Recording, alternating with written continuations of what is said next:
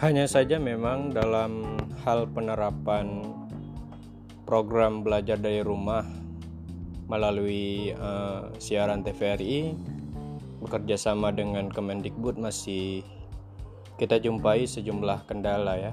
Seperti masih ragunya sejumlah lembaga penyiaran swasta lokal dan swasta berjaringan atau SSJ untuk merelai isi siaran terkait ya karena takut terbentur hukum hak siar dan lembaga penyiaran swasta lokal serta swasta berjaringan masih kesulitan dalam memproduksi siaran bertemakan pendidikan secara mandiri karena keterbatasan anggaran dan sumber daya manusia atau SDM.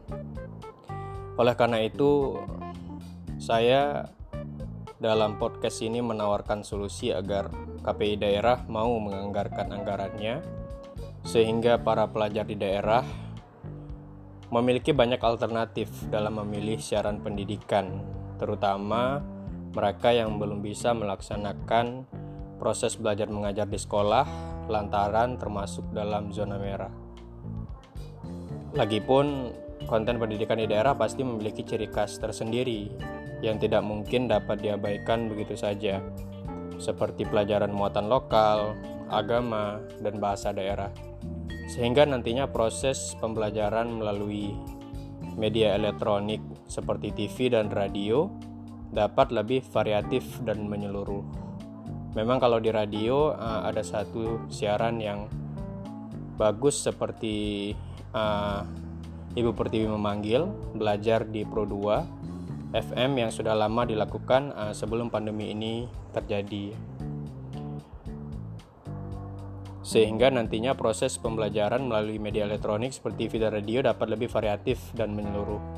Tentunya hal ini butuh pembicaraan lebih lanjut antar KPI daerah, Dinas Pendidikan, dan lembaga penyiaran swasta lokal serta berjaringan yang memiliki pemirsa cukup banyak ya, sehingga nantinya Memorandum of Understanding atau MOU ini tidak menjadi sia-sia.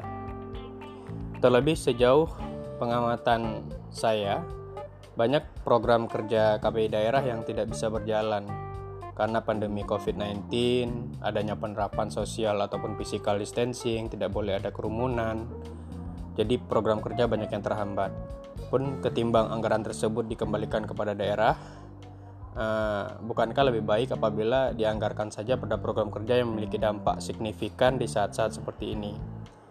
Tentu hal ini patut menjadi perhatian kita bersama karena KPI dibentuk salah satunya ialah agar lembaga penyiaran tetap menjalankan fungsi pendidikan to, edu to educate kalau dalam teori dengan baik sesuai dengan bunyi pasal 4 Undang-Undang Nomor 32 Tahun 2002 tentang penyiaran yang berbunyi penyiaran sebagaimana sebagai kegiatan komunikasi massa mempunyai fungsi sebagai salah satunya adalah pendidikan ya itu di ayat 1 sehingga para pelajar kita di daerah yang memiliki keterbatasan pada akses internet ataupun daring dalam jaringan dapat uh, menggunakan luring atau luar jaringan ya seperti siaran uh, TVRI atau TV swasta lain juga memproduksi hal yang sama karena tantangan ekonomis dan geografis yang tetap sehingga dapat tetap terlayani.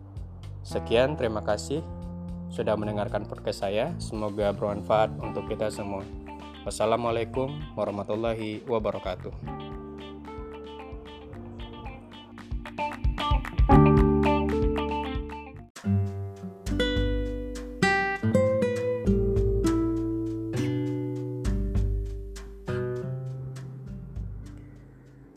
Pentingnya iklan layanan masyarakat dalam industri penyiaran kita.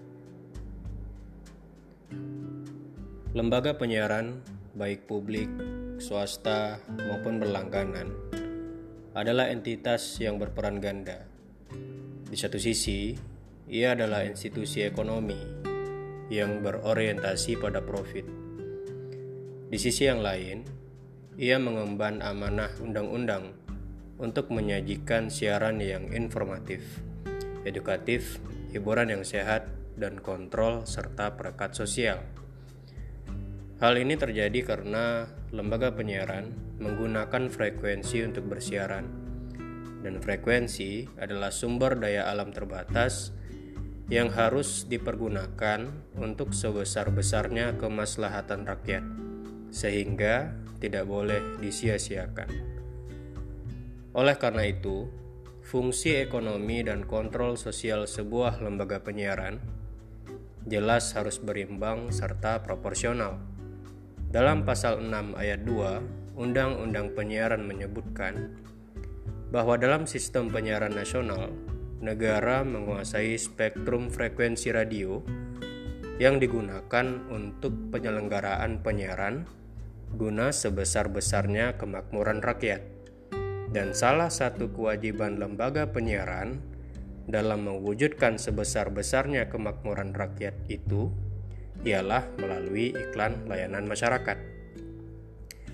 Dalam pasal 1.7 Undang-Undang Penyiaran dan pasal 1.20 P3 serta pasal 1.22 SPS menyebutkan bahwa secara definisi iklan layanan masyarakat adalah siaran iklan non-komersial yang disiarkan melalui penyiaran radio atau televisi dengan tujuan memperkenalkan, memasyarakatkan, dan atau mempromosikan gagasan, cita-cita, anjuran, dan atau pesan-pesan lainnya kepada masyarakat untuk memengaruhi khalayak agar berbuat dan atau bertingkah laku sesuai dengan pesan iklan tersebut.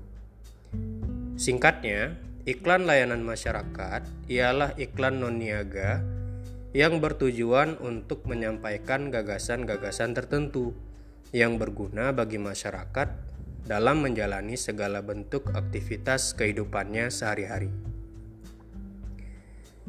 Saya mengibaratkan iklan masyarakat, layanan masyarakat ini seperti program CSR, Corporate Social Responsibility suatu perusahaan sehingga perusahaan tersebut tidak dianggap hanya ingin mengeruk keuntungan semata dan mengabaikan perihal kesejahteraan masyarakat di sekitarnya. Melainkan, perusahaan tersebut tetap memenuhi tanggung jawab sosialnya dengan memberikan dampak positif di tengah-tengah masyarakat. Saya pikir begitu pula halnya dengan iklan layanan masyarakat yang termasuk ke dalam upaya mencerdaskan kehidupan bangsa lewat suatu perusahaan media sebagaimana telah digariskan oleh Undang-Undang Dasar 1945. Saat-saat seperti sekarang ini, iklan layanan masyarakat banyak disponsori oleh lembaga-lembaga resmi pemerintah dan atau diproduksi oleh lembaga penyiaran itu sendiri secara mandiri. Beberapa bulan ini, saya merasa satu hal yang menggembirakan.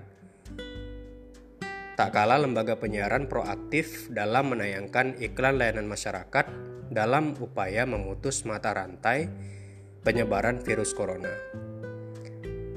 Hal ini berkesesuaian dengan poin 7 Surat Edaran Komisi Penyiaran Indonesia Pusat nomor 123 garing K garing KPI garing 31.2 garing 03 garing 2020 tentang penyiaran wabah corona yang berbunyi menayangkan atau menyiarkan ILM tentang wabah virus corona yang berisi cara persebaran, gejala, langkah pencegahan dan penanganan dini, hotline service pemerintah dan di daerah, serta RS yang ditunjuk untuk penanganan.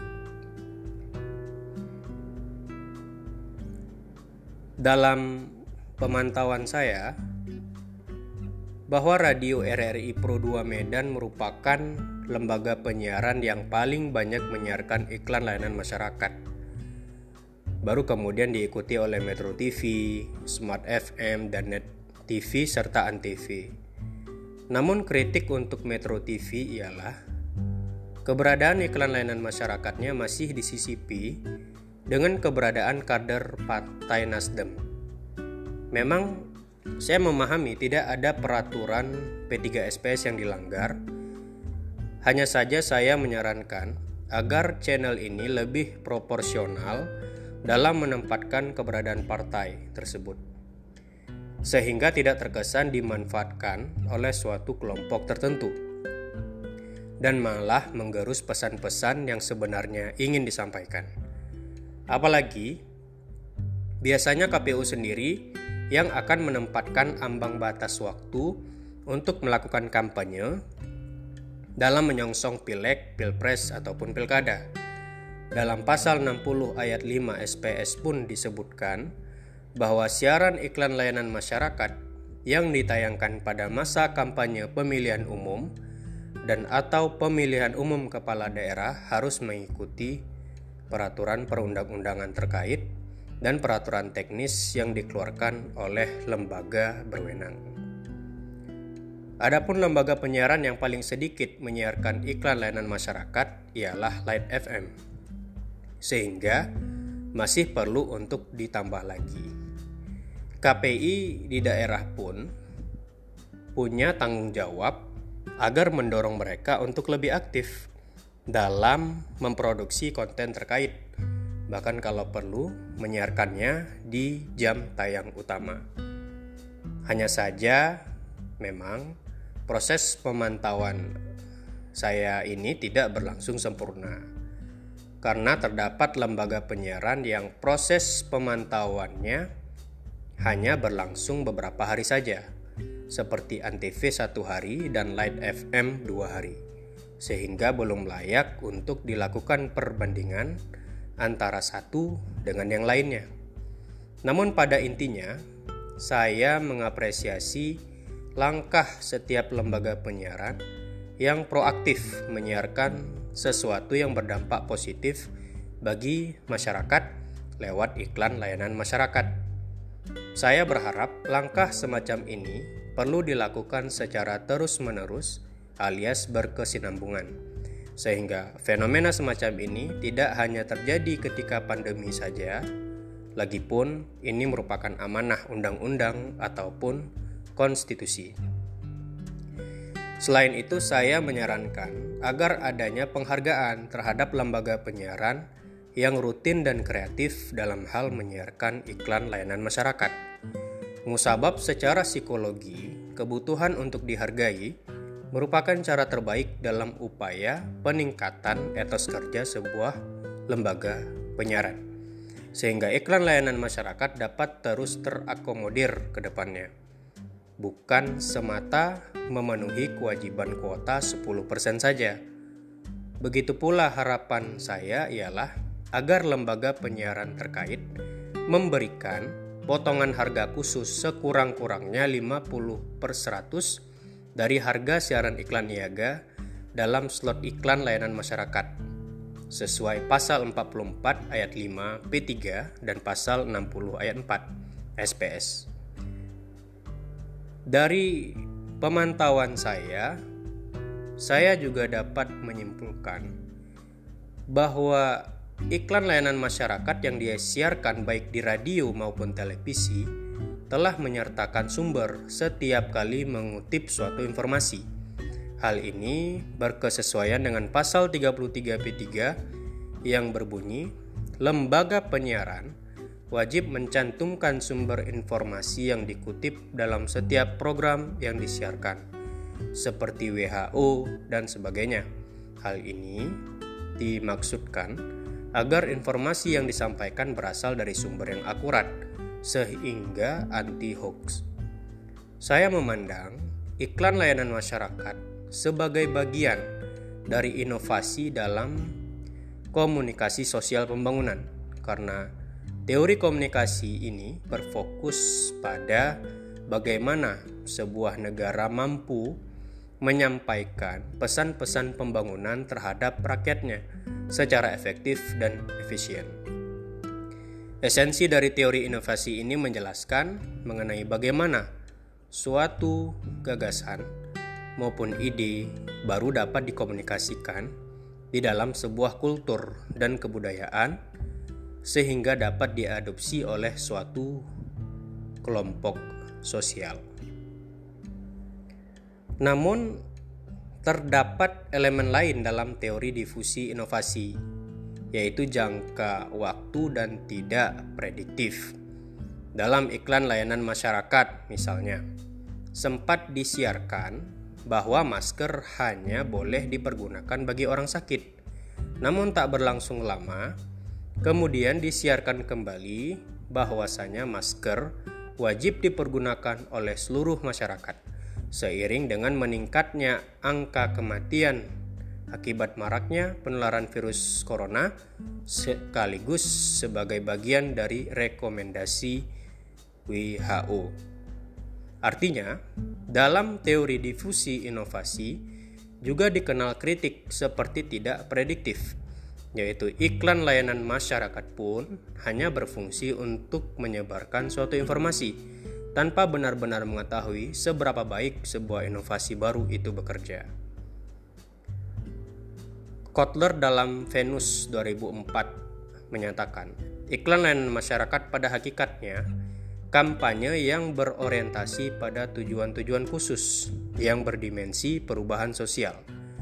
Dalam istilah lain, disebut juga sebagai social change campaign, kampanye yang ditujukan untuk menangani masalah-masalah sosial melalui perubahan sikap dan perilaku publik yang terkait.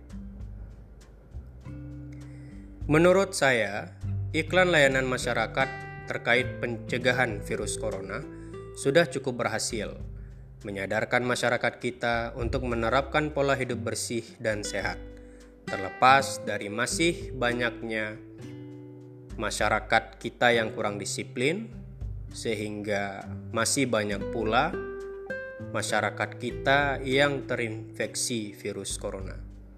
Namun, secara garis besar, masyarakat kita memahami benar pesan-pesan pembangunan yang telah disampaikan oleh pemerintah.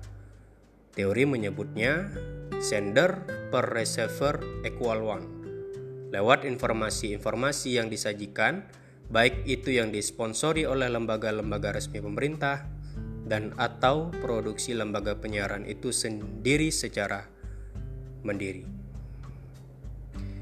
Hal ini berkesesuaian dengan pasal 46 ayat 7 Undang-Undang Penyiaran yang berbunyi, lembaga penyiaran wajib menyediakan waktu untuk siaran iklan layanan masyarakat dan pasal 46 ayat 9 Undang-Undang Penyiaran yang juga berbunyi, waktu siaran iklan masyarakat untuk lembaga penyiaran swasta paling sedikit 10 per 100 dari siaran iklan niaga, sedangkan untuk lembaga penyiaran publik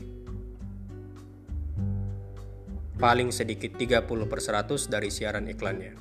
Serta pasal 60 ayat 3 SPS yang berbunyi, program siaran iklan layanan masyarakat wajib ditayangkan secara cuma-cuma untuk iklan layanan masyarakat yang menyangkut keselamatan umum, kewaspadaan pada bencana alam, kesehatan masyarakat, dan kepentingan umum lainnya yang disampaikan oleh badan-badan publik. Dalam ilmu komunikasi memang, pesan yang disiarkan berulang-ulang akan tertanam di benak pemirsanya, dan dalam skala yang paling moderat dapat berpengaruh pada level kognitif hingga perilaku mereka. Dalam teori kultivasi disebutkan, bahwa televisi juga memiliki efek jangka panjang yang berlangsung secara sedikit demi sedikit, bertahap, tidak langsung, namun kumulatif dan signifikan. Apalagi di tengah pandemi seperti saat ini, cukup memberikan angin segar tersendiri bagi industri televisi kita. Hal ini terlihat dari persentase lonjakan pemirsanya yang mencapai 50%. Maka otomatis akan ada banyak pemirsa kita yang masuk ke dalam kelas berat atau heavy viewer atau television type atau main word syndrome atau menonton lebih dari 4 jam. Di mana pesan iklan layanan masyarakat tersebut akan memengaruhi sudut pandang pemirsa kita terkait upaya dalam memutus mata rantai penyebaran virus corona. Pemirsa televisi kelas berat ini akan mempertahankan kepercayaannya dan konsepsi tentang dunia di sekitarnya yang selaras dengan apa yang mereka lihat melalui layar kaca. Dalam teori kultivasi, fenomena ini disebut juga dengan resonance, di mana pemirsa melihat berbagai hal melalui TV yang hampir senada dengan realitas mereka dalam keseharian. Musabab iklan layanan masyarakat di televisi memang tidak merefleksikan realitas yang sebenarnya, namun menciptakan realitas alternatif untuk mencapai suatu tujuan tertentu.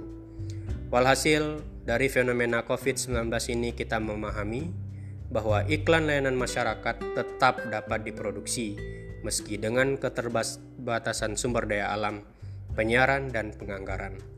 Selama lembaga penyiaran terkait peduli dengan urgensi terhadap suatu pesan yang akan disampaikan, mereka pasti menemukan banyak cara dalam rangka menyiarkan iklan layanan masyarakat, mulai dari kerjasama subsidi konten dari platform lain, ataupun bekerja sama barter konten antar lembaga penyiaran dan atau bekerja sama dengan anak-anak milenial yang telah ter kenal tingkat kekreativitasannya. Artinya, kesadaran diri setiap orang dalam suatu lembaga penyiaran akan sangat terkait dengan peningkatan signifikan iklan layanan masyarakat di layar kaca kita. Semoga ke depan setelah pandemi ini berakhir dan ditemukan vaksinnya, lembaga penyiaran kita tetap aktif dalam menyiarkan apa yang telah menjadi kewajibannya. Amin. Sampai jumpa di podcast saya berikutnya. Sampai jumpa.